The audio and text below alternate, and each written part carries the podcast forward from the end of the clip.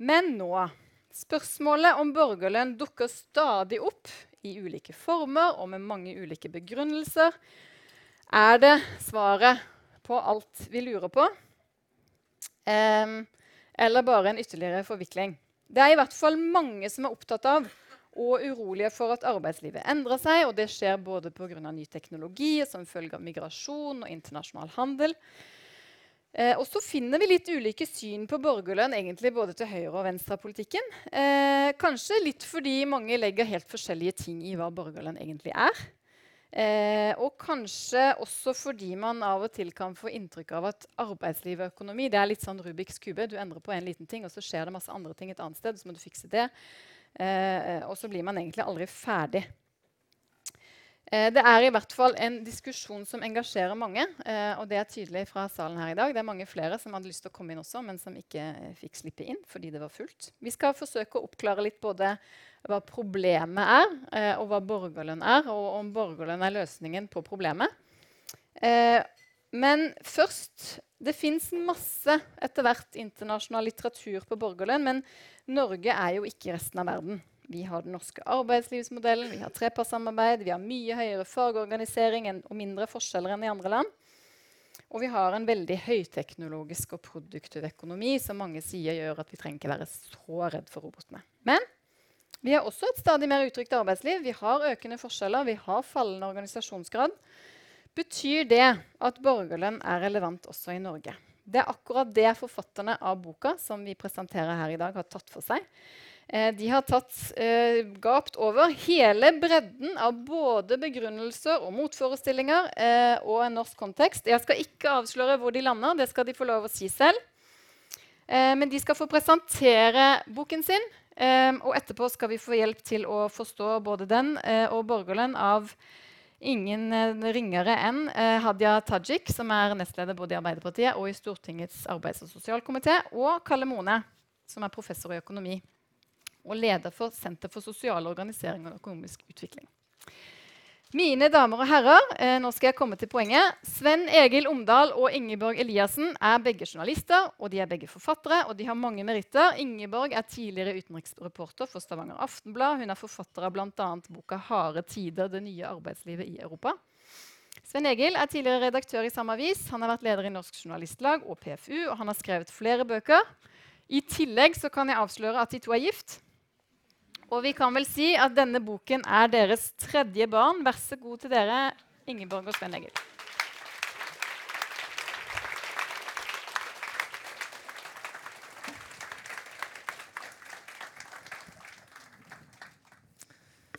Hei. Veldig kjekt å se så utrolig mange folk.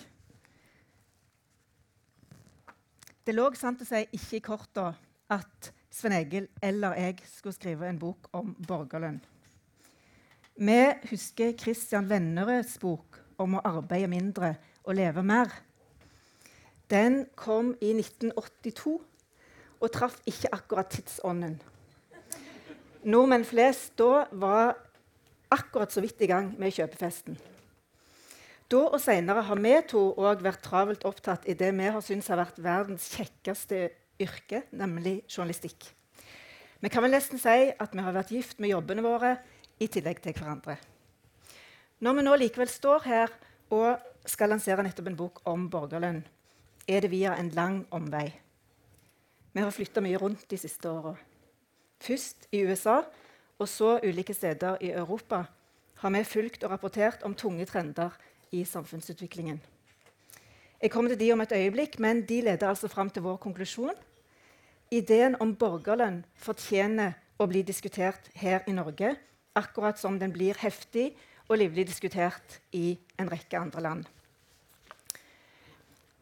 Sigrun sa det, men altså for fire år siden eh, ga jeg ut en bok eh, som jeg kalte 'Harde tider det nye arbeidslivet i Europa'. Det nye arbeidslivet i Europa er prega av utrygghet. Den har sneket seg inn i form av midlertidighet eller innleie istedenfor faste ansettelser, av deltid istedenfor heltid, av lav lønn istedenfor anstendige betingelser, av uforutsigbarhet istedenfor trygghet.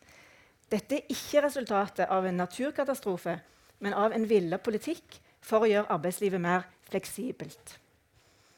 Løftet var at dette skulle kickstarte ny økonomisk vekst og skape masse nye jobber. Det viser seg å være et hult løfte.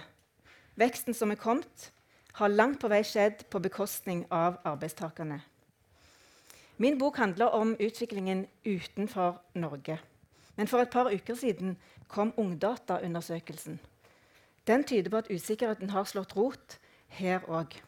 Ungdommens tro på framtida er blitt markant svekka.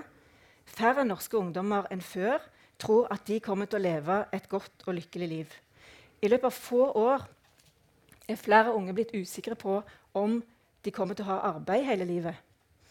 Omfanget av psykiske plager øker. Nå ikke bare blant jenter, men òg blant gutter.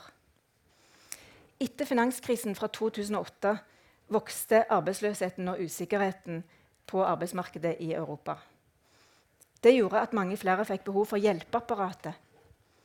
Men akkurat da det var ekstraordinært sterk bruk for den, ble velferdsstaten stramma kraftig inn over hele kontinentet. I ulik grad, men nesten overalt, ble hjelpeapparatet mer apparat og mindre hjelp. Mange som får befatning med Nav og tilsvarende i andre land, opplever systemet som mistenksomt, kontrollerende og ydmykende. Disse to trendene her, et mer usikkert arbeidsliv og en mer kontrollerende velferdsstat, har gjort livet vanskeligere for veldig mange. De henger sammen med en tredje trend, at de økonomiske ulikhetene har vokst i den vestlige verden de siste tiåra. Det lønner seg stadig mer å eie kapital framfor å jobbe. Lønnsandelen synker, altså den delen av produktivitetsveksten som, kommer, som går til lønnstakerne. Europa får isteden stadig flere arbeidende fattige, altså folk som kommer, ikke kommer opp på et anstendig minimumsnivå i lønn, selv om de jobber fulltid. Disse tre trendene er allerede blitt vanskelige for politikken å hanskes med. Men det kommer òg en fjerde tunge trend rullende. Og den virker som en turbo på de tre andre. Teknologien sin inntog på arbeidsmarkedet det skjer ofte raskere enn vi oppfatter. Jeg fløy fra Stavanger til Oslo i går. Det foregikk nærmest uten kontakt med levende mennesker. Jeg bestilte flybilletten på skjermen hjemme. På flyplassen sjekket jeg inn på en automat. Jeg registrerte kofferten min med en håndholdt skanner og så den forsvinne på transportbåndet. Så gikk jeg gjennom en elektronisk billettkontroll og gikk inn på flyet etter å ha skanna billetten en siste gang. Det eneste stedet hvor det var mange folk på jobb, var i sikkerhetskontrollen. For ti år siden ville alle disse funksjonene vært utført av mennesker. Endringen er egentlig ganske dramatisk, i hvert fall for reisebyråansatte og bakkepersonellet på flyplassene. Men fordi denne nye virkeligheten er komfortabel for oss passasjerer, så går vi ikke i demonstrasjonstog for å kreve at alle disse skal få jobben tilbake. På Forus utenfor Stavanger så går den første norske førerløse bussen i vanlig trafikk. Det er en liten og tilsynelatende ganske uskyldig sak. Men mye tyder på at den baner veien for en revolusjon som vi knapt aner konsekvensen av. I boka har vi intervjua en av Norges største bilforhandlere. Han er for lengst i gang med å forberede seg og bedriften på en tid hvor det blir drastisk mindre behov for både mekanikere og bilselgere. Mekanikere fordi de førerløse bilene ikke skal kollidere. Og bilselgere fordi vi kommer til å kjøpe bilene på nett i den grad vi i det hele tatt vil eie bilen sjøl.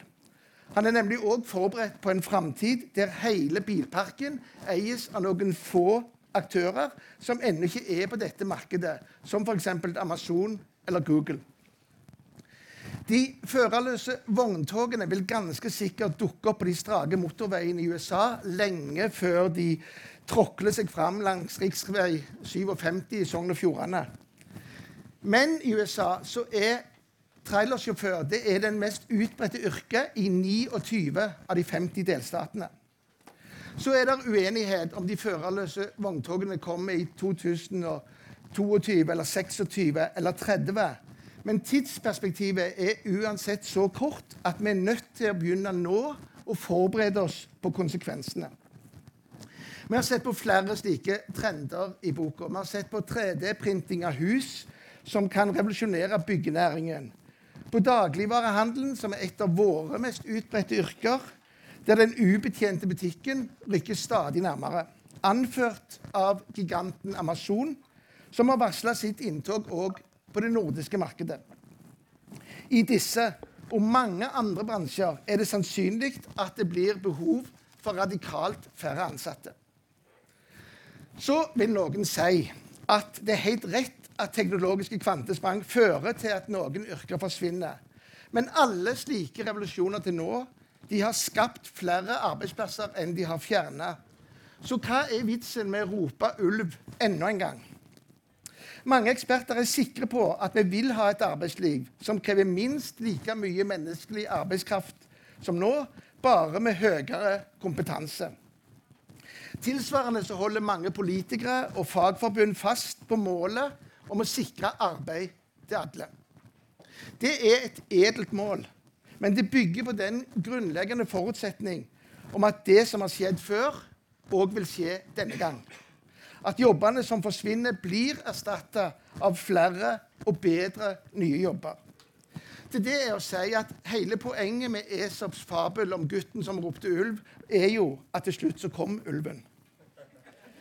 Ekspertene på framtidsprognoser de deler seg omtrent på midten. Den andre halvparten mener at det er annerledes denne gang. Forklaringen er farten. McKinsey Global Institute har forsøkt å måle hvor raskt forandringene skjer i dag, sammenlignet med den første industrielle revolusjonen. De kom fram til at utviklingen av kunstig intelligens fører til at samfunnsendringene skjer ti ganger raskere og blir 300 ganger mer omfattende. Den pågående teknologiske revolusjonen er altså 3000 ganger sterkere enn den første. Hvis de har rett, så betyr det at politikerne sitt mantra om at alle skal jobbe, og alle helst skal jobbe mer og lenger enn i dag, det vil implodere. Det vil faktisk ikke være nok arbeid til alle, uansett hva Arbeiderpartiet vedtar på landsmøtene. Men selv om denne industrielle revolusjonen skulle utvikle seg på samme måte som de forrige, så er det enormt viktig å huske på at tidligere teknologisprang medførte enorme samfunnsendringer og utløste store og langvarige konflikter. Det tok mange tiår før mottrekkene var på plass, bl.a. i form av velferdsstaten. Vi tror ikke at den mistenksomme og stadig kjipere velferdsstaten er rigga til å betjene et samfunn der det vil bli helt dagligdags å være mellom jobber eller under omskolering, eller bo et helt annet sted enn der de nye jobbene kommer. Den er heller ikke dimensjonert for en arbeidsløshet som kanskje er tre-fire ganger dagens. I skjæringspunktet mellom disse fire trendene økende økonomisk ulikhet, et stadig mer usikkert arbeidsliv, svekkelse av velferdsordningene og de kraftige teknologiske omveltningene var det at vi ble klar over den voksende internasjonale debatten om en flere hundre år gammel idé borgerlønn. Denne ideen om å gi alle mennesker en månedlig, betingelsesløse utbetaling springer ut fra tanken om at alle mennesker har rett til et verdig liv, og at forutsetningen for at mennesket skal fungere og kunne bidra, er at vi har et minimum av økonomisk trygghet. Borgerlønn skal ikke trekke folk ut av arbeidslivet, og gjør det heller ikke.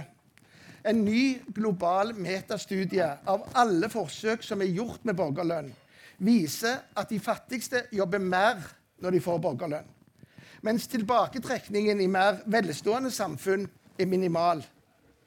Dessuten viser den etter hvert ganske omfattende forskningen at borgerlønn reduserer kostnadene både i helsevesenet og i kriminalomsorgen fordi folk som er grunnleggende økonomisk trygge, blir sjeldnere syke og sjeldnere kriminelle.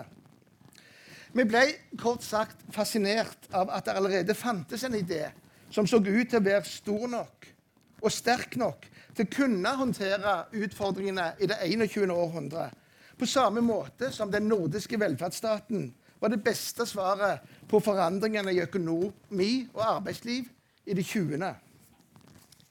Til nå har vi brukt eh, begrepet borgerlønn som om det var en entydig omforent idé. Men eh, når eh, nyliberale amerikanere er tilhengere av borgerlønn, samtidig som britisk LO og Labour snakker seriøst om å utvikle en form for borgerlønn i Storbritannia, er det ganske klart at de ikke snakker om helt det samme. Borgerlønn kan være et grep for de som vil ha en minst mulig stat. De som vil gi folk en månedlig utbetaling, og så la alle klare seg som best de kan. Mange teknologiguruer i Silicon Valley går inn for borgerlønn. Det er jo påfallende.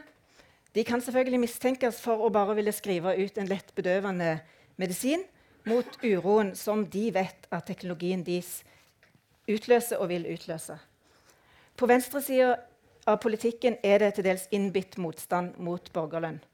Mange ser dette som en skikkelig torpedo under velferdsstaten. Det er heller ikke så rart, for det kan den åpenbart være. Men venstresida har òg sterke forkjempere for borgerlønn. Disse ser ofte borgerlønn som en nødvendig styrking og oppgradering av velferdsstaten. En skikkelig reparasjon av det gulvet som de fleste av oss i Norge i hvert fall har stått støtt på, men som nå har slått kraftige sprekker som folk snubler i. Grønne politikere vil bremse det ville forbruket som ødelegger kloden.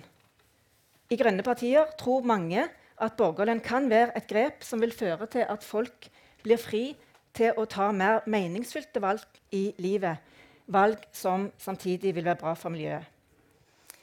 Borgerlønnsdebatten går i mange land. Hvis diskusjonen skal handle om hvordan samfunnet skal kunne tilby fortsatt trygghet for folk flest, må partiene og bevegelsene som har tradisjon for å kjempe for massene, engasjere seg i den. Ambisjonen vår med boka er å stimulere til en sånn diskusjon blant folk flest, i fagbevegelsen og i partiene. Vi har prøvd å presentere frontene i borgerlønndiskusjonen i boka. Og vi håper at den viser at berøringsangsten til dels er misforstått. Og at det i hvert fall ikke er noe godt alternativ å overse denne debatten. Da er det ganske sannsynlig at andre politiske krefter med helt andre ideer om velferdsstat og samfunnsutvikling vil stå klar med sine løsninger. Da kan velferdsstaten fort bli en parentes i historien. Og hvis vi tar sjansen på at et system som ble designa på 1950- og 60-tallet, vil tåle påkjenningen som kommer i 2030, 40 eller 50, kan velferdsstaten òg havne i monter på museet. Bien heter det nettverket som slåss for borgerlønn både i Norge og globalt. Vi er ikke medlemmer der, eller i noe politisk parti eller i noen annen gruppering. Vår oppgave er heller ikke selv om det kanskje høres sånn ut nå, å være evangelister for borgerlønn. Men vi har gjort noe som vi er kommet til at journalister gjør altfor sjelden. Vi har ikke gitt oss med å beskrive problemene, men vi har òg gått den ekstra mila for å se etter tenkbare løsninger på dem. Gang på gang i arbeidet vårt med disse andre store problematiske tingene støtter vi på borgerlønn. Og etter å ha gått et stykke inn i den ideen mener vi òg at den ikke kan overses. Men er ikke borgerlønn en utopi? Hvordan er det mulig å finansiere et trygt økonomisk gulv for alle uten at skattetrykket blir så massivt at det ikke svarer seg å jobbe for de som har arbeid, og de som har kapital, fristes til å flytte både den og seg sjøl til land hvor trykket er betydelig mindre? Hittil så har gevinsten fra automatiseringa, endringene i handel og produksjon som har fulgt med Internett, smarttelefoner og kunstig intelligens, strømma oppover i systemet og hopa seg opp hos en håndfull firmaer og enkeltpersoner. Vi spiller et monopolspill som noen få er i ferd med å vinne, men de fleste andre taper. Dette er, som Ingeborg sa, ingen naturlov. Det er politikk. Hvis vi tror at samfunnets totale ressurser er store nok til å garantere alle et minimumsnivå av økonomisk trygghet og verdighet, så er det bare snakk om å finne den mest effektive måten å fordele disse ressursene. Det bobler av ideer om hvordan den kaka som er til fordeling, kan gjøres betydelig større. Vi viser en del av disse og forsøker å dokumentere at det faktisk er mulig å endre spillereglene. Takk. Kalle Mone, velkommen til deg. Eh, du må sitte der. Kan jeg sitte her? Nei, der skal jeg sitte. Eh, og Hadia Tajik. Eh, de har allerede fått en kort introduksjon. Kalle Mone er professor i økonomi, kan det som er å kunne om økonomiske forskjeller. Eh, og Hadia Tajik er nestleder i Arbeiderpartiet, men også nestleder i Stortingets arbeids- og sosialkomité, eh, som sitter med alle disse spørsmålene på bordet. Da kan dere få lov å gi hele panelet en applaus.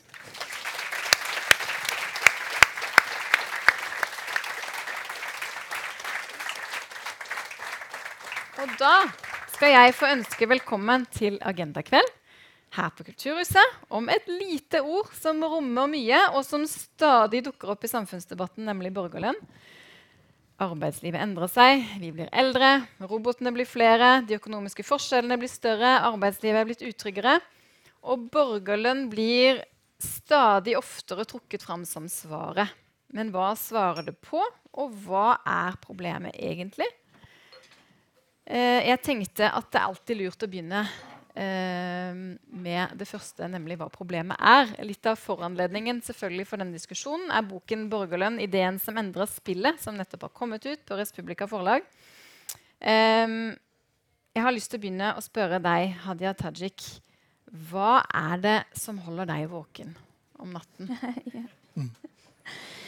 Um, altså Noe av det som gjør meg urolig, urolig, når jeg tenker på hva slags uh, trender det vi ser, så er det altså, en klar indikasjon på at det er en fare for økte forskjeller, altså klasseskiller i det norske arbeidslivet, og økt fremmedgjøring som en konsekvens av det.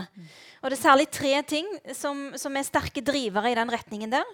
Eh, det ene er jo det som handler om automatisering og, og, de kravene til kompetanse som det òg vil, eh, vil, stille til oss alle sammen. Eh, og det betyr jo at mange av de som har kompetanse, mye kompetanse i utgangspunktet, vil lettest kunne ta del i den utviklingen, mens de som ikke har så mye kompetanse, strevd med å få grunnleggende ferdigheter på plass, vil ikke på samme måten kunne delta i samme veksten i muligheter og eh, ja, det som fins av, av potensial der. Så det vil kunne bidra til økte klasseskiller i seg sjøl endringene i kompetansekrav. Det andre det er eh, kombinasjonen eller koblingen mellom økt arbeidsinnvandring og innvandring generelt sammen med useriøse forhold i arbeidslivet. Eh, det, det, fører til to ting. Det ene er at disse folka er lette å utnytte, og det blir de. Altså, det blir de. Den, altså utvidelsen av EØS, EU e ut mot Øst-Europa har fått den type konsekvenser i en rekke bransjer i Norge. Og det andre er jo at veldig mange av de som kommer til Norge eller har innvandrerbakgrunn, eh, tar jobber som eh, nordmenn da ikke vil ha. Og det i seg sjøl òg bidrar til et klasseskille som er etnisk basert i Norge. Det tredje er at summen av alt dette her, den teknologiske utviklingen, økt migrasjon, det gjør òg at mange føler en fremmedgjøring og en avstand til makt. Og det jeg mener med det er at Når det blir mer teknologi, vel, jeg tror ikke det er mange som kjenner på at de har ikke vært med på å bestemme dette. Altså, de har ikke, Når de har stemt på et parti, eller noe sånt, bestemt at det skal få denne type konsekvenser. Det er en utvikling som skjer fordi de mulighetene finnes der, fordi markedskreftene trekker i den retningen men òg fordi måten vi bruker teknologi på, kan bidra til økt fremmedgjøring. F.eks. hvis vi bruker det til å fatte beslutninger.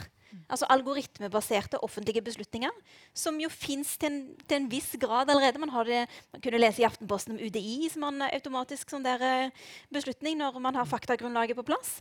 Eh, og kanskje vil man ha sånn på byggesøknader og andre ting. Og det vil kunne gjøre at folk tenker men dette aksepterer jeg ikke. Det, altså, hvem skal jeg klage til, på sett og vis? Det er en maskin i den andre enden. Så Poenget med dette her er at når du spør meg hva er det som gjør meg urolig, så er det det at summen av de utviklingene vi ser her nå, kan bidra til økte klasseskiller eh, mellom folk i norsk arbeidsliv. Kalle Moene, hva er uh, vår største utfordring, tenker du? Jeg trodde du skulle spørre meg hvorfor, uh, hva som gjorde at jeg ikke sov om natten. Men det vil i tilfelle være at jeg ikke er kommet meg hjem ennå. Men eh, jeg syns av og til at vi lager for mange bekymringer om, om det. Men altså, bor, borgerlønn er Jeg liker ikke engang ordet, men eh, jeg kaller det for garanterte minsteinntekter. Um, Eh, det er, har så mange utforminger som eh, også forfatterne som sitter på min venstre side her, eh, har forklart i den nylig utkommende boken. Eh, at, at, det er så mange som kan være for med helt forskjellig begrunnelse. Og, og, og, det er grunnen tror jeg, til at, at, det ikke blir noe av med det aller første. For det, at det som noen av oss gjerne vil innføre ved hjelp av garanterte minsteinntekter til alle, det er noe som andre vil avskaffe ved å innføre samme reformen. Og det er eh, det, er det store dilemmaet for denne type uh, denne type diskusjoner også litt, at, at, at en legger forskjellige ting i det. For Jeg kan ikke si at det er én definisjon av borgerlønn den skal være på et bestemt nivå.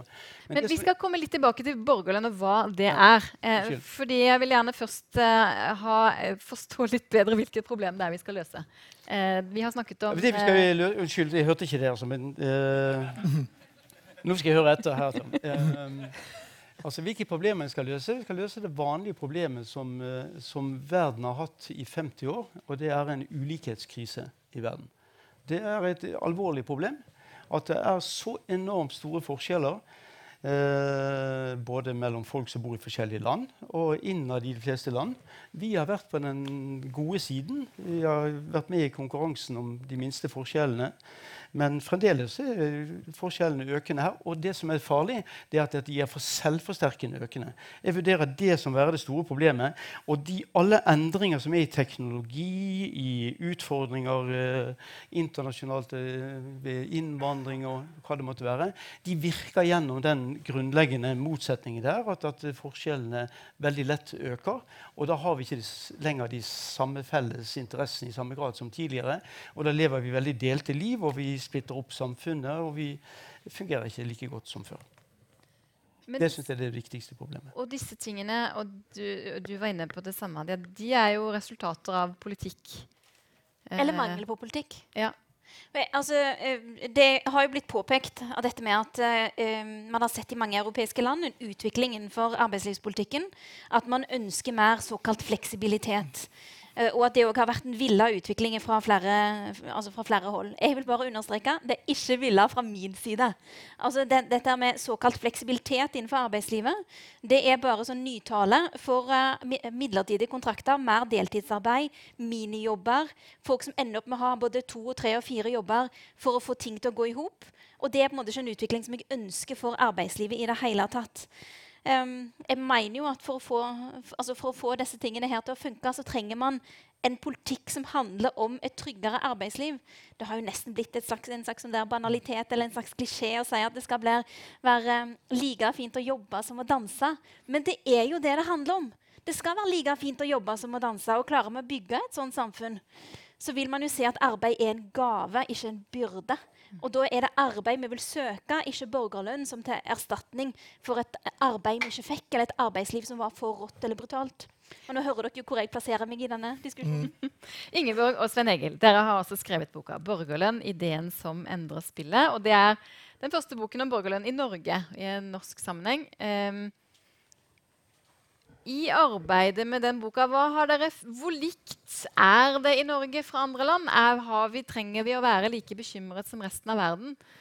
Nei, det er mindre ulikt enn vi liker å tro. Jeg syns Hadia understreker det veldig tydelig. Alle de tingene som, som du sa uh, fratok deg nattesøvnen, det er mye sterkere ute i Europa. Mm. Vi, vi, har et mye bedre utgangspunkt enn de fleste andre land. Vi har sterkere arbeidsmiljølov, vi har en, et samarbeid på, mellom arbeidslivets parter som er sterkere enn de fleste land. Men det er ikke sånn at problemene i Europa stopper på fergekaien i Hirtshals er, de kommer hit. De kommer akkurat samme type utvikling. Den kommer bare kanskje svakere og seinere. Men den, den, akkumulerer jo sånn som også kalles den, Disse tingene akkumuleres jo sånn at den totale summen av dette blir før eller siden eh, påtakelig sterk òg i Norge. Veldig ofte så syns jeg vi hører eh, en, en, beskrivelse, en frykt, en uro om at robotene kommer til å ta alle jobbene våre. Og det er på en måte det store problemet. Det blir ikke jobber igjen. Men hvor sant er det, Kalle? Blir det jobber til alle til folk? Altså, det tror jeg at Der har de fleste et uh, nyansert uh, syn. At, uh, som jeg tror også er inneholdt i, i boken, som vi delvis diskuterer. det er at, eh, at i, i historiens løp så har det blitt skapt har re, teknologiske revolusjoner skapt flere jobber enn de har eh, tatt bort. Eh, men det er nye jobber, og det, er- det er omdanning. Folk som er utdannet for én ting, må kanskje gjøre noe helt annet. Eh, det som jeg reagerer litt på når folk sier dette, at, det, at dette kommer nok først i USA, det tror jeg ikke. Altså det, der som robotiseringen kommer, det er der som de minste lønningene er høye. Der kommer robotiseringen. Så, altså den troen på dette at det, bare, altså I USA har de sjekken. Hvorfor det? Jo, fordi de har billig arbeidskraft som kan gjøre det kjedelige arbeidet og arbeide med papirsjekker. Det ble avskaffet. Det, de Flertallet i salen her har aldri sett en sjekk, men det har de altså fortsatt i USA. IT-revolusjonen eh, kom mye raskere til de nordiske landene enn til, eh, til USA. Hvorfor? Jo, fordi at den kunne, både fordi vi hadde god råd, og fordi at den også kunne erstatte eh, arbeidskraft som ellers var ganske dyr. Den industrielle revolusjonen i seg sjøl kom først i England. Hvorfor det? Jo, fordi at London hadde de høyeste lønningene i verden på det tiden. Så den nye teknologien som kom med den industrielle revolusjonen, den var kjent over hele verden, men den ble brukt der, løn, der de minste lønningene var høye, ikke der de var lave. Og ikke der veiene var rette.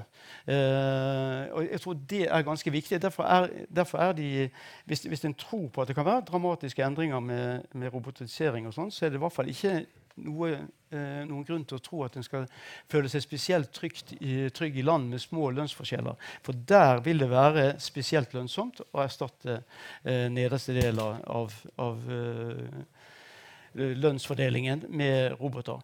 Og du kan også få press på, på lønningene. Men jeg, jeg tror ikke, jeg er mye mer redd for den ulikheten som dette skaper. Hva er roboter? Jo, Det er å sette ut i livet forskningsprosjekter som har vært ført på offentlig finansierte eh, prosjekter verden over. I årtier etter årtier. Når det skal settes ut i livet, så er det noen smartinger som får hele gevinsten av at denne offentlig finansierte forskningen skal nå implementeres kommersielt. Så det er jo helt vanvittig dumt hvis de store gevinstene skal gå til de som akkurat tar det siste steget, mens de som gjorde hele jobben, og de som var med finansierte på det, oss alle, de får nesten ingenting av det. Og det, det er poenget derfor med en borgerlønnsreform, f.eks. Det å tenke igjennom dette. Dette er jo ting vi egentlig har eierskap til. For vi burde jo få en bestemt andel av gevinstene som dette skaper. Noe av dette får vi gjennom fagforeninger, gjennom velferdsstaten i dag. Men det å garantere det krever en annen eh, løsning. Så jeg er mye mer redd for at ulikhetsskapende effekten av nye roboter enn at de helt tar jobbene til folk. Og så en siste ting akkurat når det gjelder. Altså, vi må ikke, vi, det, vi, grunnen til at vi hauser opp arbeidet, det er fordi at arbeidet i de fleste land er en sosial aktivitet. Mye av livet vårt er knyttet til det. Men mange av aviser sitter her har jobber som er sånn at vi ikke vet helt om vi jobber eller ikke. Uh, og det er, det er et framsteg. Fremsteg. Noen av dere liker det så godt at du vet ikke helt jobber en noe, eller sitter egentlig på kafé og leser. Jobber du nå, f.eks.? Sånn, men det burde jo bli flere sånne jobber. Altså, vi må ikke liksom ause sånn opp det at det skal være, det skal være, det skal være noen ting som vi skal straffes av. At vi skal liksom entusiastisk gå inn for jobber og sånn fordi at vi skal ha noe sted vi skal, vi skal ha arbeidslinje fordi vi skal være skitne under neglene eller vi skal være trøtt om kvelden. Altså, poenget er at vi skal lage gode samfunn som er sånn at vi gjør meningsfylte ting med hverandre, og at noe er lønnsarbeid og noe ikke lønnsarbeid, ja, det kan være gode aktiviteter uansett. Og det er snakk om organisering. Og jeg vil råde Arbeiderpartiet, som jeg syns er et fint parti på mange måter, til å være litt mindre baktung i den saken her. Hadia, eh, jeg vet ikke om eh, Kalle jobber eller danser nå, men eh, Nei, begge deler, tror jeg. Han koser seg. Ja, eh, men, men eh, eh, det ene er jo om det blir like bra å jobbe som å danse. Men så er det vel også et spørsmål om det er et valg eh, å jobbe. Hva tenker du om eh, hvor mye vi får velge om vi skal jobbe eller ikke? Og, og hvem det er som får jobbe, og utsiktene til at eh, flere enn i dag eh, får delta? Altså Behovet for arbeidskraft i årene som kommer, kommer til å fortsatt være ganske formidabelt, selv om det måtte komme eh, økt robotisering og automatisering. Det er framskrivninger som er veldig tydelige på at vi trenger flere fagarbeidere, flere jordmødre, flere ingeniører, flere lærere. Altså, og, og, hvis man bare ser på sysselsettingsgraden, det skriver jo dere også litt om i boka, eh, at eh, i 2008 så var sysselsettingsandelen på 72% Nå i 2017 så er man nede på 67% Om vi så bare skulle klart å løfte oss i sysselsettingsandel, altså andel folk som er i jobb, opp til det nivået som man var i 2008, så er det altså i hvert fall 185 000 flere folk man trenger å få inn i jobb. Og så vet vi at sånn som situasjonen er i dag, så er det omtrent en tredjedel av de som er i arbeidsfør alder, som står utenfor arbeid. Eh, og det er mange ulike årsaker til det. Noen av de kan reelt ikke jobbe, for de har så store helseproblemer. Men ganske mange av de ønsker å jobbe, og kan i hvert fall jobbe litt. Og da mener jeg at vi politisk må skape et arbeidsliv som gjør det mulig for disse folka å bruke den arbeidsevnen som de faktisk har. Den lysten, den evnen, den viljen, den kreativiteten det betyr at vi må skape et arbeidsliv der det er rom for å ikke være 100% Og da trenger man mer av, eh, ja, altså av, av, trygghet i arbeidslivet og mindre av den europeiske trenden som man ser knytta til, ja, til, såkalt fleksibilitet. Mm. Og så tror jeg det er første gangen Kalle, at noen har anklaga meg for å være baktung. Altså. Men jeg får bare ta det med meg. Jeg, jeg mener jo, jeg mener jo Kanskje deg med partiet ditt. Jo, jo. Men dette er jo et av de områdene der jeg faktisk er enig med partiet mitt. Og det Jo. Ja. Det er en bra ting. Og det er ikke noe selvfølge på alle områder. Men her mener jeg liksom virkelig av hele mitt hjerte, mitt syn på arbeid, eh, altså handler om at det først og fremst handler om mestring, fellesskap, selvrealisering, bidra til noe, skape noe. Og at det er den grunnleggende sosiale kontrakten som vi har mellom oss som mennesker. At vi, vi, stoler på at alle bidrar, og så stoler vi på at vi deler på en rettferdig måte, sånn at de som trenger hjelp, får hjelp. Og jeg mener jo for at Det som, som, er en svakhet ved, ved boka deres, altså selv om det er en interessant bok og, og lærerik på mange måter, så gjør den f.eks. dette med avstand, mangel på muligheter, fremmedgjøring til et rent økonomisk spørsmål. Og jeg mener jo at Det som er en av utviklingstrendene i dagens samfunn, særlig knytta til migrasjon, gjør jo òg at det er ekstra viktig å ha en sosial kontrakt i bunn. Som gjør at man kjenner på det, at alle bidrar, alle eier litt av noe. At alle er med på å skape dette samfunnet. Den sosiale kontrakten der er noe av det som vil holde oss samla når diskusjoner om migrasjon prøver å rive oss, rive oss i fillebiter. Dette, disse diskusjonene mener jeg har en sosial og kulturell dimensjon mm. som ikke kommer tydelig til uttrykk i denne boka, og som heller ikke blir ivaretatt av en idé om borgerlønn, der du bare får en pengesum. Den er til deg, men hva forventer vi av deg? Den sosiale kontrakten der er det som vil få samfunnet vårt til å funke når de der debattene om migrasjon rir oss som en mare. Ingeborg, hva med den sosiale kontrakten? Ja, jeg er jo enig i veldig grunnleggende det du sier, Hadia. At, eh, at uh, dette samfunnet bygger på en sosial kontrakt som har funka i mange tiår nå. Uh, men uh, mange av dere har sikkert lagt merke til at det nå har kommet noen bøker som handler om de nye jobbene som kommer. Hva slags jobber er det? og det har kommet én bok som heter 'Bullshit Jobs' som er skrevet av en veldig interessant fyr som heter David Graber. Um, eh, og så har det kommet en bok i Danmark som skapte ganske mye eh, overskrifter i vår, som heter 'Saudoarbeid', under tittel 'Hvordan vi fikk det travelt med å lage ingenting'. Og det bygger, på, eh, det bygger på den kunnskapen som er dokumentert at svært mange i dagens arbeidsliv føler at jobbene deres mangler mening. Eh, så altså, på en måte så er den der eh, For det første så er veldig mange av oss har ikke det arbeidsstedet lenger å gå til å stå og henge rundt kaffemaskinen og bli definert og finne mening og, og få forventningene knytta til oss. Eller mange av oss jobber hjemme. Hjemmefra, i det minste. Eh, andre er slått ut allerede av den arenaen som, eh, som vi vi òg har ment skulle være den viktigste eh, plassen å utvikle seg som menneske på. Så jeg tror at eh, hvis, hvis, det er sånn at eh, politikken kan gjøre det sånn at alle de som er slått ut, kommer inn, og at eh, alle, alt det som kommer framover, ikke vil bety at enda flere vil bli slått ut og bli parkert, eh, så, um, så, må en finne andre måter å lage nye sosiale kontrakter på. Og Der det er mennesker, vil mennesker søke hverandre. Der det er mennesker som søker hverandre, vil det oppstå ideer og nye måter å skape forventninger til hverandre om å bidra.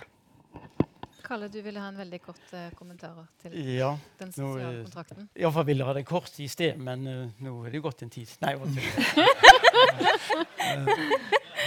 men eh, så jeg skulle si at, eh, at eh, det er en liten fare, tror jeg, at, eh, at selv uh, bevegelser som har et sosialistisk eh, utgangspunkt, blir veldig opptatt av at det, det som liksom skal være definisjonen på at, at du lever liksom på ordentlig vis, det er enten at du jobber for en kapitalist, eller for at du jobber for staten. Og Opprinnelig så var det ikke sånn. Den sosialistiske bevegelsen den skulle liksom skape meningsfylte liv på mange andre måter. Det kunne også gå an uh, å jobbe for, for Kirkens Bymisjon. Det går også an å gjøre ting en sånn deltakerkrav for forventninger som ikke er lønnsarbeid i samme måten. Det kunne også an å organisere seg på en annen måte og, og, og drive meningsfylte ting. Så jeg må ikke jeg synes at Alle sier dette, at det skal være like fint å jobbe som å danse med. Men samme vi begynner å danse, så sier de nå, må vi, nå må det være ro her. Det, det er, det er mye, jeg tror en skal tenke mye mer på dette. at Vi skal ikke være så veldig glad for å en skal være glad for å lage gode ordninger der det, eh, folk gjør meningsfylte ting, og det er sosiale forbindelser. Men det trenger ikke nødvendigvis å være å jobbe for en kapitalist. Det er eh, Vi må gå litt videre, og dere skal få komme tilbake til disse spørsmålene. Men, men eh, vi trenger å, å, grave litt i hva borgerlønn egentlig er, siden det tross alt er dagens tema. Sven Egil, eh, på boka som dere har skrevet, så ser forsiden ut som et uh, monopolspill. Det er en veldig artig uh, forside. Uh, og dere skriver også litt i boka om hvordan borgerlønn på en måte er litt som å passere start og få utbetalt en ny startkapital. Men kan du forklare litt hva i alle dager borgerlønn har med monopol å gjøre? Ja, altså Monopol det ble oppfunnet i 1904 egentlig som en protest mot eh, tilstandene i USA i den forrige perioden hvor rikdommen var samla på så få hender. For å vise hva som skjer i spillet når, når kapitalen strømmer oppover, så lagde en et spill som egentlig heter The Landlords Game, som handler om eiendomsmagnatene. Og Kjernen i monopolspillet vet alle som har spilt monopol, det er at eh, du spiller til én har alle pengene, og alle de andre er kasta ut av spillet. Det er budskapet i spillet. Eh, grunnen til at du holder ut en stund, er at du får noen penger hver gang du passerer start. Og så har vi tenkt Sett at du økte den summen hver gang du passerer start, og reduserte nivået på det som de som hadde eiendommene, fikk lov å ta i leie når du landa på dem, så ville du før eller siden nå det punktet hvor fremdeles noen vil vinne, men ingen vil bli kasta ut av spillet. Spillet vil fortsette fordi alle vil få tilførsel av nok kapital til at du ikke får denne utstøtelsesmekanismen. Så vi syns at det er et, et, godt bilde på et samfunn som, hvor ikke alle har det likt. og ikke alle, og Det er ikke noe egentlig tak på hvor rik du kan bli hvis du gjør de rette tingene, men det er et solid gulv som ingen faller gjennom. Mm. Og I dag så er det sånn at over hele den vestlige verden så er det sånn at det folk har trodd var et gulv, viser seg å være et tynt lag av morkne planker, hvor mellomrommene blir større og større. Og Det fører til politiske utslag, som en ser nå både i USA, men ikke minst i Europa, med høyrepopulistiske bevegelser. Folk søker mot løsninger fordi at de er blitt utrygge. Så søker de mot radikale løsninger. Så det er, en, der er en, et element i dette å, å skape et spill som gjør folk trygge vil òg gjøre politikken annerledes. Du vil få et annet politisk eh, sammensetning hvis, har, hvis, folk har økonomisk trygghet, enn når de er økonomisk utrygge. Jeg lurer på dette gulvet. Eh, fordi Dere skriver jo om i boka en del eksempler på forsøk med borgerlønn. Eh, I Finland gir man eh, et beløp til de som er arbeidsledige. Eh, I London har man forsøkt å gi et beløp til hjemløse. Eh, I Alaska så deler man ut kontanter fra uh, oljefondet, egentlig. Uh, Istedenfor sånn som vi gjør, å bruke pengene oljefondet, fra oljefondet til, uh, til velferd. Men, men, i mange av disse eksemplene så er det jo mindre beløp som egentlig ikke er den der veldig strenge definisjonen av tilstrekkelig, uh, betingelsesløst, så man kan på en måte mm. tilsvarer en full lønn. Går det an å si noe konkret om hva borgerlønn egentlig er? Er barnetrygd egentlig borgerlønn? er det mer du spør? Eh, jeg kan spørre deg først, Kalle. Ja, ja. Altså, eh, Altså, jeg syns ikke det er så veldig meningsfylt å, å lete etter den definisjonen. Altså, jeg syns en skulle eh, eh, garanterte minsteinntekter, også kalt borgerlønn. Eh, det er én form for omfordeling. I nordeuropeiske land har vi hatt en form for borgerlønn gjennom velferdsstaten og gjennom fagforeninger. Den har ikke vært altomfattende, men har vært ganske altomfattende. Men den ble gitt i naturalia og i tjenester. Uh, forholdsvis liten del har blitt gitt i, i form av uh, kontanter. Uh, spørsmålet er Kommer disse ordningene til å vare automatisk av seg sjøl, eller bør de komplementeres med noen ting som ligger i bånn, så vi kan forenkle litt nede i, i, mange av de veldig sånn inntektsavhengige støtteordningene helt i bånn? Der syns jeg garanterte minsteinntekter kan være en, en, veldig fornuftig ordning. Dessuten kan garanterte minsteinntekter utforme på min favorittmåte, nemlig som en andel av den inntekten i samfunnet. Sånn at den oppjusteres når all, all inntekt går opp ellers i samfunnet, så går dette gulvet hever dette seg også for de dårligstilte. eh, som en bestemt andel av inntekten i landet.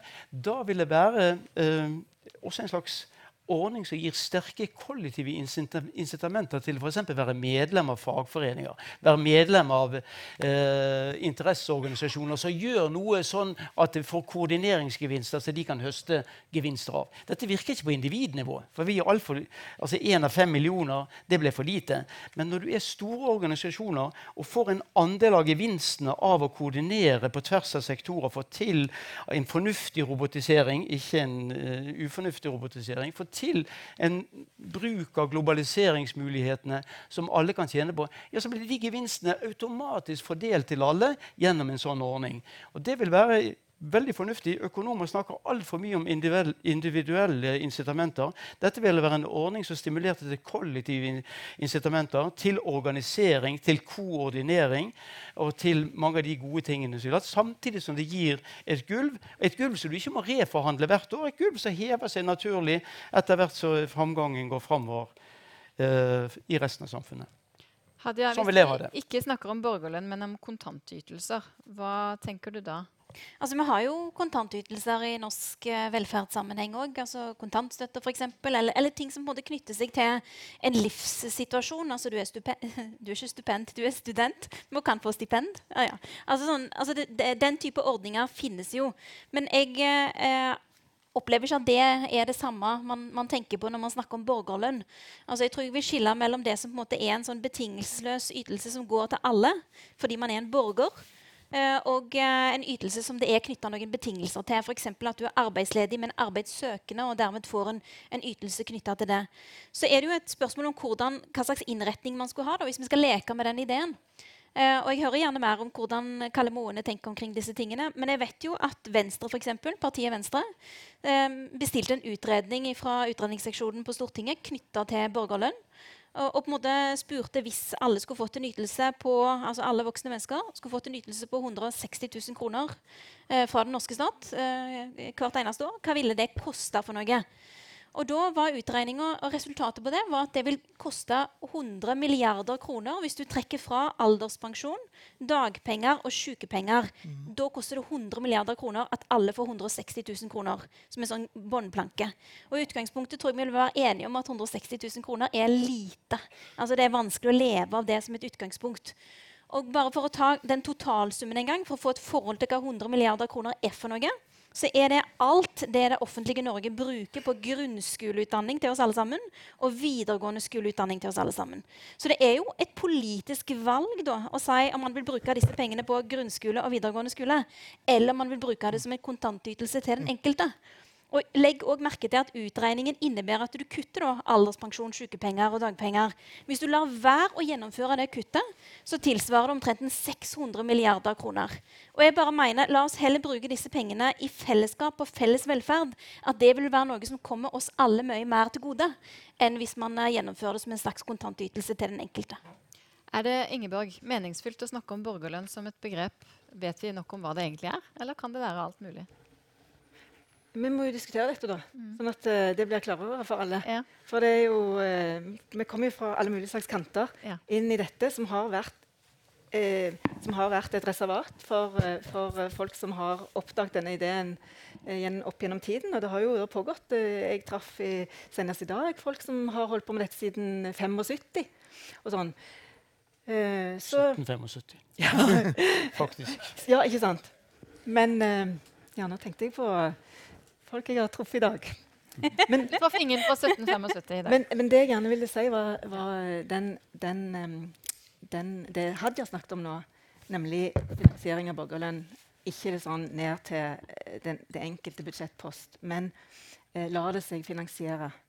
Um, det virker jo ganske opplagt eh, ut fra de beregningene som er gjort både i Norge og andre land, i OECD f.eks., at hvis du skal eh, si vi skal skifte ut dagens system med borgerlønn, alle skal få, da er det jo klart at veldig mange i dag i Norge ville fått mye mindre enn de får. eh, Med, eh, som har mye større behov enn vanlige folk. Så, eh, men, men nå var vi, Svein Egil og meg var i Finland i forrige uke på eh, verdenskongressen for BIEN. Denne Basic Income Earth Network. Og Der er det jo da en enormt eh, spennende diskusjon om hvordan du ellers kan gjøre det. Og det er jo stor enighet om at du må utvide denne kaka som Egil snakket om. Du må bake den mye større. Og det, det Kalle snakker om, er jo denne ulikheten som gjør at det er en sinnssykt misforhold mellom hva som er blitt sopt, eh, eller egentlig privatisert av fellesgoder, eh, og det som blir igjen til fordeling. Og der, um, de- der er det mange politiske krefter som jobber for å prøve å få liksom, politikken uh, få grep igjen på det. Det skjer både på EU-nivå og, og, og andre steder. Men det er jo der vi må gå. At vi er nødt til å insistere på at um, en, enorme konsern som, som tjener seg styrtrike på f.eks. Våre, våre data, de betaler ikke for seg. Sånn de må jo begynne å betale for seg. Eh, da vil fellesskapet få mer til fordeling. Og vi kan ha en annen diskusjon som ikke handler om å sette det ene helt opp mot det andre. Fem, Den er grei. 50 land i verden har nå kopiert det norske oljefondet i en eller annen form. Det norske oljefondet, som nå har en kapital på over 8000 milliarder kroner, har vi fordi at noen forutseende um, jurister i Utenriksdepartementet kom på å lovfeste at det som lå i Nordsjøen, det var felleseie. Det skulle være nasjonens felleseie, det skulle ikke privatiseres. Og gevinsten av det, det skulle komme alle til gode. Den tenkningen kan brukes på mange områder som i dag ikke blir beskatta. Sånn at eh, mange av disse beregningene som OECD har gjort beregninger, eh, Stortinget gjorde beregninger Mange av disse beregningene de har beregnet dette innenfor de eksisterende rammene som finnes, og det eksisterende skattenivået. Pluss at de tar ikke hensyn til eh, at de, for, altså de ikke alltid de rene nettokostnader. De ser ikke på hvilke ulike modeller det er for beskatning av dette. Um, så, og jeg kan også spille ballen til Kalle, fordi at i det kapitlet som handler om hvordan vi skal finansiere det, så åpner vi med en replikk fra Kalle Moen kan spørre hva er en kostnad. Og hvordan regner du en kostnad i et samfunn? Det er ikke nødvendigvis helt åpenbart. Jeg har lyst til å, å, å eh, gå litt videre fra spørsmålet om hva det koster, og om vi har Og jeg tror mange er enige om at det går an å øke inntektssiden eh, i statsbudsjettet. Eh, og, og litt, som dere allerede har kommet litt inn i, altså argumentene for og imot borgerlønn som en løsning på disse problemene, som dere også er veldig enig i. Og et av argumentene eh, som ble, eh, har blitt trukket fram, er jo eh, klientifisering eller overdreven kontroll. Og, og Ingeborg snakket om velferdsordningene som på en måte ble mindre velferd og mer eh, ordninger. Vi er ganske få arbeidsledige i Norge, og så har vi mange på sykdomsrelatert trygd. som Hadia var inne på, Og vi bruker ganske mye ressurser på å følge opp og plassere eh, alle de som står utenfor, og, og sørge for at ikke vi gir dem noen penger som ikke de har krav på. Eh, er det ikke litt med lua i hånda man ofte kommer på Nav, og, og hva kan vi gjøre med det, Hadia? Jeg tror mange vil si seg enig i det. At de opplever det som vanskelig å være i kontakt med det offentlige Velferds-Norge. Eh, at de kanskje ikke blir møtt med respekt, eller at de opplever at de blir kontrollert på en måte som ikke er ålreit. Men det er ikke argumenter for å droppe hele eh, hele systemet eller hele ordningen og så velge borgerlønn eller noe annet i stedet. Det er derimot et argument for at man får disse ordningene til å funke bedre. At du blir møtt på en bedre måte. At du får respekt. At du får oppfølging. At du får en kombinasjon av helsehjelp og kompetansebygging, sånn at du kan stå på dine egne bein og ha din egen inntekt. Så jeg tror at selv om virkelighetsbeskrivelsen dessverre er riktig for mange, så er likevel medisinen som blir foreskrevet, er, er ikke nødvendigvis den, eh, den rette.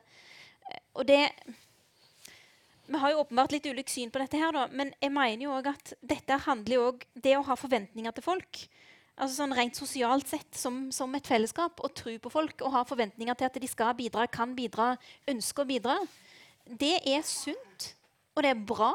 Og man har jo til og med gjennomført eksperimenter der til og med rotter forstår forskjellen på om du har forventninger til dem eller ei. Altså der, hvis, du jo, hvis du har forventninger til en rotte, og tror på at den rotta kan gjennomføre denne labyrinten raskt og godt, så klarer den det. Og hvis du har en rotte som du ikke har tro på, ikke liksom heier på, så gjennomfører den ikke labyrinten, eller får det ikke like bra til. Og når det til og med, til og med rottene forstår forskjellen, selvfølgelig forstår mennesker det òg.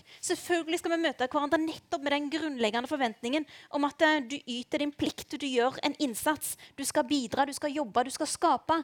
Og så skal vi selvfølgelig òg ta vare på deg i lag. Kalle, du har bedt om ordet. Ja, altså jeg ble spurt i sted av eh, en av deltakerne her eh, om eh, hva en kostnad var for, i den forbindelse. her. Her tror jeg det er veldig lett å blande sammen uh, to ting. Det å overføre penger fra en til en annen, det er ikke en kostnad. Det koster vedkommende noe uh, som, som å gi fra seg det. Det er en kostnad for vedkommende, men ikke en kostnad for samfunnet. Det kan tvert om være en gevinst for samfunnet at du får til den omfordelingen. Så her blander vi veldig sier at det koster så og så mye. Ja, hva er det for kostnadsbegrep det er for noe? Hvordan er vi regner her? Vi, det, dette betyr bare det at, at eh, eh, Dette betyr at en overfører fra én gruppe til en annen. Eh, hvis en hadde for en, en, en, alle skulle betale til denne ordningen som vi nå skal ha, som heter borgerlønn, skulle alle betale 10 eh, skatt for å finansiere denne ordningen. La oss si det var sånn. Ja, hva ville da skje? Ja, da ville vi se dette at, at de som hadde under gjennomsnittsinntekten i samfunnet, de ville få mer enn de betalte inn. Mens de som alle får det samme beløpet, men de vil få mer, mer enn, de, uh, enn de betalte inn. Mens de som har høyere enn gjennomsnittsinntekten, de ville bidra med, med mer enn eh, enn- enn de fikk. Men det vil være omfordeling og en slags forsikring i dette at du jevner ut forskjeller mellom folk. Det vil være forskjell. Men det er ikke, dette er ikke kostnader i, i, i, betydningen at det er oppofringer for samfunnet, slik at det ble, det ble mindre tilgjengelig for samfunnet. Det som måtte være kostnad i denne forbindelsen, ville være dersom folk jobbet mindre hvis skattene gikk opp. Eh, og, og de jobbet mindre dersom, eh, dersom eh, de fikk støtte som var uavhengig av deres eh, arbeid. Det som er tilfellet i de tilfellene at de overdriver enormt eh, straffen av, av skatt på arbeid. Veldig mange av de som har de høyeste skattene i Norge, de jobber så lenge at det er ikke noen flere timer å ta av de, til å gå på jobben. Så kan, om du reduserer skattene, så er det fremdeles på det at de vil egentlig jobbe flere timer enn det som er tilgjengelig. Så de reagerer veldig lite på økte skatter. Mens, mens de som reagerer på økte skatter, det er folk som vurderer om skal de være innenfor eller utenfor arbeidslivet. Det er akkurat det på den marginen der lønner det seg for meg å jobbe, egentlig. Men de vil jo komme bedre ut av en sånn ordning som dette her. Eh, ved at de får et, et, et, et, gulv å stå på. Slik at gevinsten av å arbeide for deres del ville være eh, mye klarere. De vil ikke gi opp noen trygdeordninger som, som de måtte nyte av godt nå. De har et gulv som ligger der uavhengig av hva de gjør, og så kommer arbeidsinntekten i tillegg. Jeg tror det er viktig også, og jeg tror jeg, flere som har mint oss på at vi bør diskutere disse tingene. Og akkurat med hva slags kostnader for samfunnet, det tror jeg er veldig viktig å, å tenke igjen. For vi bruker ordene akkurat som det, det er liksom oppofringer som det er noen som liksom, du blir mindre til andre av at gjøre gjør sånne ting. Omfordeling er omfordeling. Kostnader er noe annet. Det, Um, Sven Egil, Ja. vi er jo alle oppdratt i den protestantiske arbeidsetikken. Hvor du skal uh, yte, så skal du nyte. Men i det som du sier, Hadia, så ligger det sånn implisitt at du må først eh, arbeide, så får du lønn for strevet. I borgerlønndebatten er det mange som sier men hvorfor kan du ikke få lønn før strevet? Um, hva, hva vil det gjøre med arbeidsetikken? Vil du ikke yte da hvis du, får, hvis du er garantert lønn, og hvis du er trygg at uansett så vil du få lønna? Uh, det andre er definisjonen er at vi har definert arbeid som en viss del, en viss type av virksomhet. Det er de som inngår i bruttonasjonalproduktet, de som blir vurdert. Det har stort sett tradisjonelt vært mennene sitt arbeid. Veldig mye av kvinnene sitt arbeid har ikke vært definert som arbeid, og heller ikke vært lønna på noen måte. Um, på engelsk har de den fordelen at de kan skille mellom work og labor. Mellom alt arbeid og mellom betalt arbeid. Og til det betalte arbeidet som inngår i bruttonasjonalprodukt, så er, der er alle der er jo alle finansforvalterne og markedskoordinatorene. Men, men omsorgsarbeid i hjemmet, eh, opplæring av frivillig arbeid i, nær, i, nærmiljøet Alt dette er jo da ikke eh, den type arbeid. Så I denne debatten her så ligger det òg veldig mye eh, incitamenter til å diskutere hva er arbeid, og hva er den moderne kontrakten mellom arbeid og ytelse i et, i et, samfunn som er annerledes enn det var på 50-tallet, når halvparten av befolkningen drev med ulønna arbeid? Altså, I ditt syn på samfunnet så aksepterer jeg hele premisset om at det er like verdifullt for et samfunn at bestemor steker vafler når eh, barnebarna spiller fotball, fordi det gjør noe med samfunnet vårt. Mm. Det gir varme, det gir fellesskap, det gir glede. Det, altså det gir så mye mening. Eh, og at det er like verdifullt som at eh, far jobber i bank. Men så er det likevel også sånn at hvis vi skal finansiere den skolen som de barnebarna går i, så trenger vi at det blir skapt økonomiske verdier. Så far og mor må, må jobbe, skape økonomiske verdier for at vi òg reelt, reelt, sett skal kunne dele.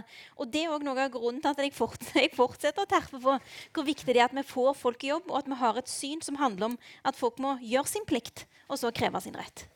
Jeg har lyst til å spørre om, eh, og dere skal få lov å utdype eh, hva som er arbeid og ikke arbeid. Men i denne diskusjonen så er det jo åpenbart at det, det er ganske stor enighet om at det er behov for å fordele ressursene bedre. Eh, det er for mye ulikhet, det er for mange som faller utenfor, det er noen få som stikker av med eh, store gevinster.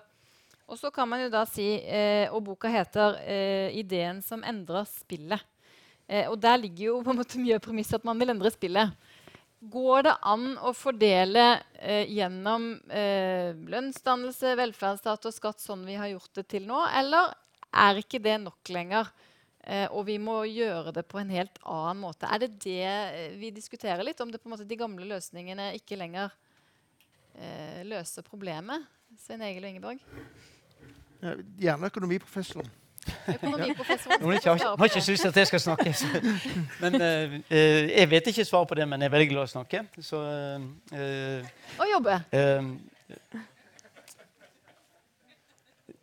altså, jeg tror det at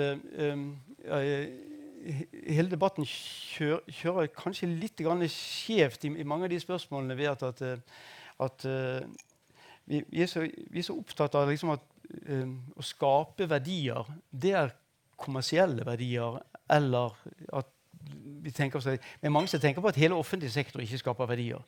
Men det er jo en meningsløs måte å, å, eh, å, definere verdier på. Det, å skape et eller annet som, det må jo være å skape et eller annet som andre bryr seg om som verdifullt. Men Jeg må få lov, jeg bør stille spørsmål. Jeg har stilt det en gang til, for jeg har lyst til å få svar på det.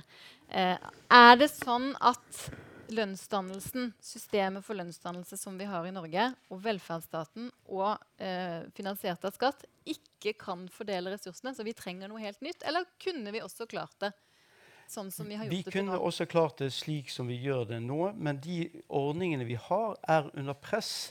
De er under press av to eller tre grunner. De er under press fordi at vi har en endring i økonomien som mer og mer av det som noen er veldig glad for å kalle for verdiskapning, skjer i servicenæringen. Eh, og, og, der eh, er det ikke samme tradisjon for fagforeninger. Eh, derfor så går fagforeningsprosenten ned. Den har vel gått ned fra en 54% til en nærmere 50% nå. Men, men, i Sverige er det mye mer dramatisk. bare sånn at en ikke tror at, men Dere starter fra et høyere nivå, med en drastisk reduksjon på en 20 prosentpoeng. eller noe sånt. Så at disse tingene er endringer. Så det er det ene at, at du får en annen sammensetning av uh, fagbevegelsen.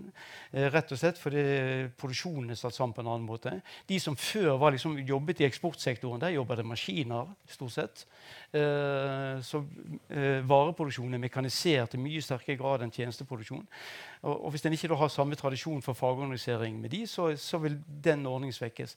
En annen ordning som svekkes, er, er velferdsstaten i seg sjøl. I Norge har Norge er unntaket. I, I, Sverige for eksempel, så drøs, kutter de støtteordningene dramatisk. Både tildelingsgrunnlaget for å få støtte og hvor sjenerøs den støtten du får. Men både det hva som kvalifiserer for å få støtte, eh, er redusert, og en, en nokså dramatisk økning i ulikheten for de som er under gjennomsnittsinntekten i Sverige. Og Det er veldig stor forskjell her. På Norge er det nesten ikke noe som skjer der under eh, under de som tjener 50 mens det er en veldig stor svekkelse av, eh, eh av, det, av, av det ulikhet som er skapt blant de blant majoriteten av de som er under eh, gjennomsnittet av inntekt. Så jeg tror at disse ordningene svekkes. Og da er spørsmålet når skal vi komplementere dem? Skal vi komplementere dem når disse organisasjonene er så svake at de kommer ikke til å ha en, en, et ord med i laget hvordan det skal gjøres? Eller skal en gjøre noe mens de fortsatt er sterke og står oppreist og kan virke de få ordninger som virker gode? Og her er det liksom det, det, det svikter litt i debatten. Synes jeg. Vi må selvfølgelig innføre en ordning når en fremdeles har makt til å gjøre det ikke når, når folk er blitt så svake eventuelt at de ikke får det til. Og Det er situasjonen i mange europeiske land i dag. At, eh, at kollektiv handling er, er satt ut av stand til fordi at de kollektive organisasjonene er svekket. Derfor nå og ikke siden. Vårt yrke, vårt yrke har vært gjennom en hestekur de siste ti åra. Eh, hvor antallet journalister i Norge er redusert med en 30% Ikke fordi at dette samfunnet trenger mindre informasjon, eller fordi at det er mindre verdifullt å sørge for at vi har en opplyst befolkning, men fordi at de midlene som finansierte journalistikken i Norge, i dag blir eksportert ut av landet uten å bli beskatta i Norge. I den nye økonomien vil det bare tilta. at pengene blir, fordi at Mye av det som skaper den såkalte økonomiske verdiene, det er det er ikke-materielle ting som en kan eh, da trekke gevinsten ut av landet og skattlegge det der hvor skatten er aller, aller lavest. Eh, vi nevner i boka et eksempel at eh, Kjersti Løken Stavrum, som, var eh, som, er, som er sjef for Tinius-stiftelsen, hun sa på en konferanse at i 2015 så betalte hun mer skatt i Norge enn Facebook. Det er klart det er en absurditet at en enkeltperson selv med en god lønn betaler mer i skatt enn et, et, selskap som trekker milliarder ut av det norske markedet. Så der til de spørsmål vi må gjøre noe med lønnsdannelsen, fordi at denne tendensen vil bare forsterke seg. Og hvis vi skal bare beskatte den, det arbeidet som, hvor arbeidsgiver og fysisk arbeid og alt er innenfor Norge og innenfor norsk jurisdiksjon, så vil skattegrunnlaget bli erodert. Så vi må uansett tenke på internasjonalt samarbeid, selvfølgelig. Og det, da må du tette alle hullene, fordi de vil søke mot det, det, det laveste nivået uansett. Så svaret mitt er ja, vi er nødt til å diskutere en ny form for lønnsdannelse i Norge. Og da er borgerlønn-debatten en del av det. for Den inviterer nemlig til å diskutere hele forholdet mellom lønn og arbeid. Hadia, um du er intervjuet i boken, du også, eh, og er opptatt av eh, det som du kanskje var litt inne på i stad også, som handler om hvorvidt det egentlig er et valg om man vil jobbe eller ikke. Eh, eller om det er noe som samfunnet bestemmer for deg. Eh, hva mener du med det? Ja, jeg håper ikke jeg sa det sånn, for det, det hørtes jo helt forferdelig ut. ja, det var ikke det men, uh, men, jeg mener jo at vi trenger alles arbeidsinnsats. Uh, og som vi har vært inne på, altså, Det fins verdier som er altså, emosjonelle, altså, som handler om fellesskap. Og så fins det verdier som er økonomiske, som er hard cash. Og vi trenger begge deler hvis et fellesskap skal fungere. Men de argumentene som jeg på en måte hører her, knytta til eh, altså globale trender, skatteinntekter, kapitalflukt, fagorganisasjoner som forvitrer eh, Ingenting av dette er argumenter for borgerlønn. Det det derimot er argumenter for, er at vi er nødt til å få til gode internasjonale avtaler, skattlegge disse aktørene på en bedre måte enn i dag. Altså, eh, det er argumenter for å få opp fagorganiseringsgraden, særlig innenfor privat sektor. Særlig innenfor de områdene der vi ser at det er en vekst i antall arbeidsplasser, samtidig som fagorganiseringen går ned. Og jeg skjønner jo at det er mye mer kompliserte svar når jeg sier at vi må gjøre både det og det og det, og det, altså på flere områder. Heller enn å gi folk en sjekk i hånda og si at 'denne er til deg'. Eh, takk for at du fins. Eh, men, jo, men, eh, og, mens det jeg argumenterer for, er at vi trenger mer enn den sjekken, så trenger vi den sosiale kontrakten i bunn. Og jeg opplever jo at selv om vi nå har snakket en stund, så har vi likevel ikke snakket nok om den kulturelle dimensjonen ved dette. her. Vi har snakket om pengene, men vi har ikke snakket om hva det gjør med et samfunn som vil være prega enda mer av migrasjon, enda mer av innvandring enn før. Det utfordrer veldig mange europeiske stater. Sven Egil Omdal var inne på det med, og, og, påpekte hvordan mangel på økonomiske muligheter og oppdrift i et samfunn kan være med på å skape grobunn for, for høyrepopulisme. Mm. Men hvis det er analysen, så er jeg uenig i den. Altså Noe av det som skaper grobunn for høyrepopulisme, er fremmedgjøring. Og fremmedgjøring er òg et kulturelt fenomen. Det er ikke bare et økonomisk fenomen. Det er opplevelsen av at det kommer folk og får ting her i dette landet som vi har skapt, og de får det gratis uten at de har bidratt. Det er òg fremmedgjøring. Det å oppleve at eh, bostedet ditt er i ferd med å endre karakter, de som bor der, ser ikke ut som deg lenger, det er òg fremmedgjøring. Og hvordan skal vi håndtere det? Og jeg mener jo at en del av måten å håndtere det på er jo å styrke den sosiale kontrakten mellom folk. Styrke de sosiale forventningene og si at alle i Norge bidrar like mye og har krav på like mye. Hvis vi skulle uh, følge opp det uh, altså La oss si at vi hadde borgerlønn. Uh, hvordan skulle vi da sørge for at flest mulig fikk delta i samfunnet gjennom en eller annen form for jobb og fellesskap? Kalle først, og så forfatter. Ja, det går an å ha et deltakerkrav til, som en betingelse for å få en sånn grunnleggende inntekt i samfunnet. At liksom, på en helt grei måte bare dokumentere at en deltar i visse aktiviteter. og sånn. Det, gjøres, det kan suppleres med mange sånne ting. Det kan finnes mellomløsninger eh, av dette. Og, og jeg tror dette, det er, Her er det jo lurt å prøve seg litt fram. Men jeg blir hengende litt igjen. Det, det er liksom en sånn veldig negativ ting. Tror, tror, dere virkelig at folk får slutte å jobbe hvis de fikk eh, en 100 000 i året? Det er klart De vil jo ikke det. De vil jo jobbe, men de kanskje jobber litt mer fornuftig og med litt mer gøyere ting. Jeg, jeg, jeg, tror ikke på alvor det at folk vil slutte å jobbe for den de får 100 000 i året. Ingen skal leve i Oslo for 100 000 i året. Eh, jeg, skjønner ikke hvor en tar det derfra. At det blir så mye fremmedgjøring. Så dette er omfordelingsordninger som er veldig fornuftige. Og hvis den utformes på en god måte, så tror jeg at folk vil jobbe mer og bedre snarere enn en mindre og, og dårligere. Og hvis det er sånn problem, bare kan jeg få si det ferdig. Hvis det er så stort problem med, med arbeidsfrie inntekter, så er det altså noen som går på Nav, men noen går på arv. Så begynner vi med de som går på arv de får jo inntekter uten å gjøre noen ting. Det må jo være veldig skadelig for samfunnet. Da begynner vi med 100% arveavgift. Vi må ta problemet på alvor. Det må være, li, være lik behandling i begge ender av inntektsfordelingen. Det er alltid sånn at, at det, på, I den nedre inntektsfordelingen der må en være så forsiktig, for det er ikke folk en kan stole på.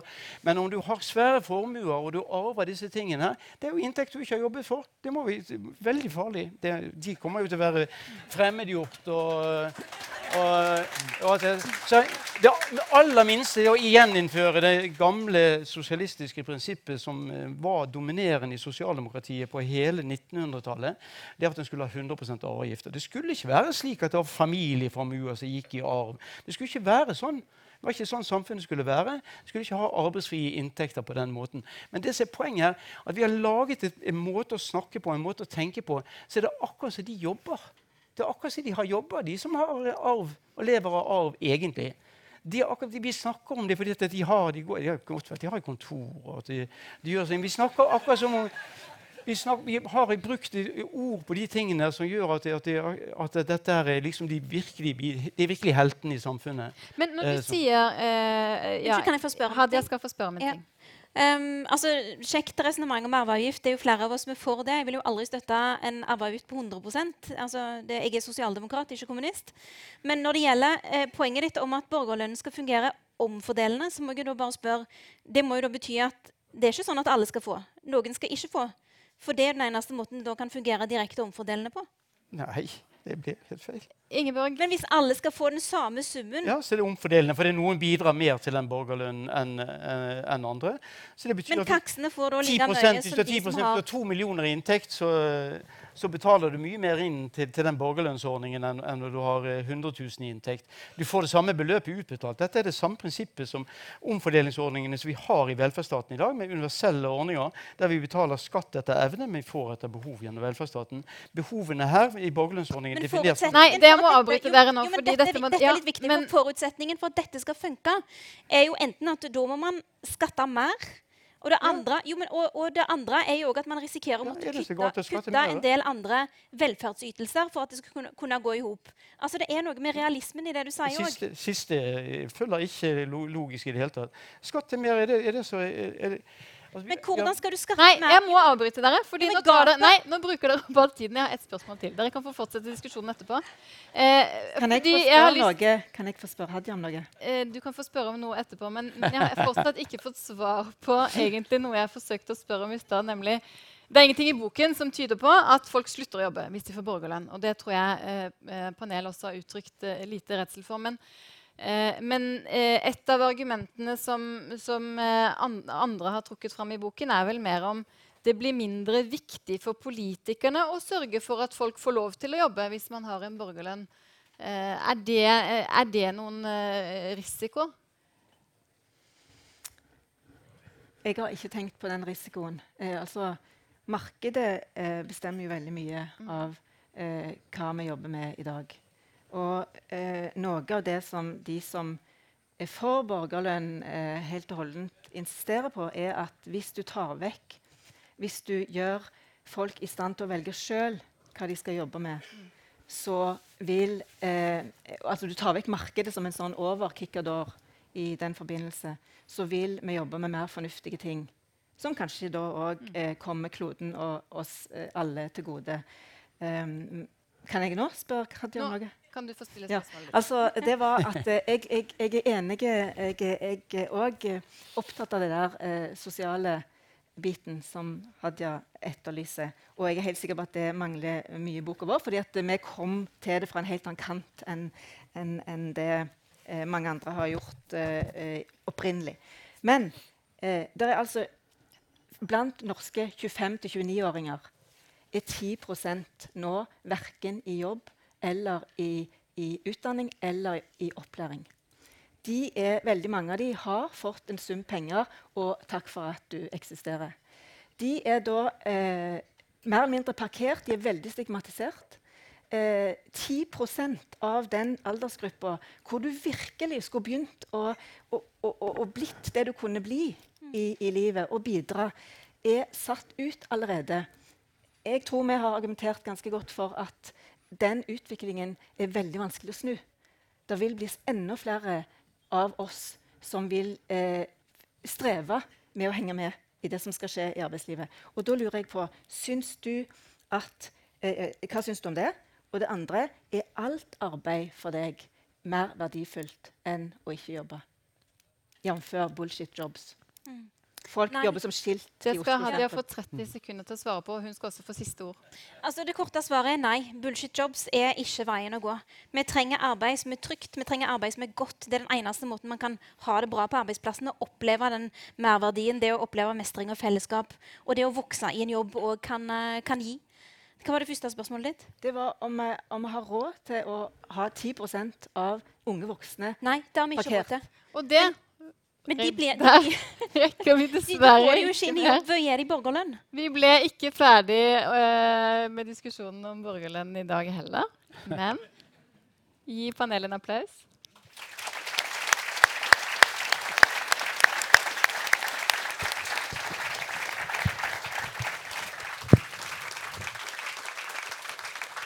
Tusen takk til alle dere som kom. Jeg skulle gjerne latt alle få snakke ut og lenger i en time til. Det har vi ikke tid til, dessverre. Men det er mulighet for å bli igjen litt. Det er mulighet for å kjøpe bok. Det er kanskje mulighet for å få boken signert.